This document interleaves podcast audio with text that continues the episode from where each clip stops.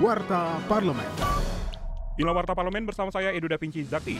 Ketua Komisi 11 DPR RI Dito Ganinduto menekankan Undang-Undang Harmonisasi Peraturan Perpajakan atau Undang-Undang HPP merupakan regulasi yang meletakkan pondasi sistem perpajakan yang adil, sehat, akuntabel, dan berkesinambungan.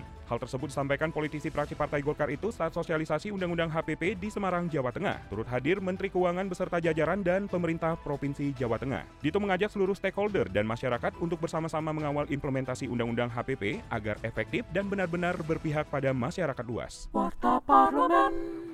DPR RI pada tahun ini dipercaya menjadi tuan rumah sidang Parlemen Dunia Interparliamentary Union atau IPU ke-144 pada 20 hingga 24 Maret mendatang di Nusa Dua, Bali. Menurut Wakil BKSAP DPR RI Putu Supat Marudana, kehadiran delegasi parlemen dari 120 lebih negara-negara dunia tentu akan berdampak pada pemulihan ekonomi Indonesia, khususnya di sektor pariwisata. Tentu ini adalah kesempatan untuk kita menghadirkan keragaman destinasi kita, keragaman budaya kita, kearifan lokal yang kita miliki, segala potensi kebudayaan yang kita miliki, potensi uh, produk ekonomi yang kita miliki, dan tentu ini momentum yang baik untuk menghadirkan kembali kemuliaan Indonesia pasca pandemi yang memang sangat uh, memukul berbagai sektor ini.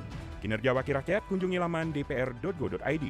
Sekjen DPR RI melalui TV dan radio parlemen kembali mengadakan lomba orasi bintang orator atau LOBO, mengajak publik memberikan masukan untuk delegasi DPR yang akan mengikuti sidang umum parlemen dunia ke-144 di Bali pada akhir Maret mendatang. Dengan tema orasi perubahan iklim semakin mengancam dunia, mahasiswa, siswa, dan masyarakat umum dapat mendukung sidang umum parlemen dunia ke-144 dengan menjadi peserta LOBO. Untuk pendaftaran peserta melalui email bintangorator@dpr.go.id yang akan ditutup tanggal 20 Maret mendatang.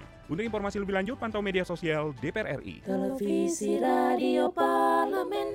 Demikian Warta Parlemen, Produksi TV dan Radio Parlemen, Biro Pemberitaan Parlemen, Sekjen DPR RI.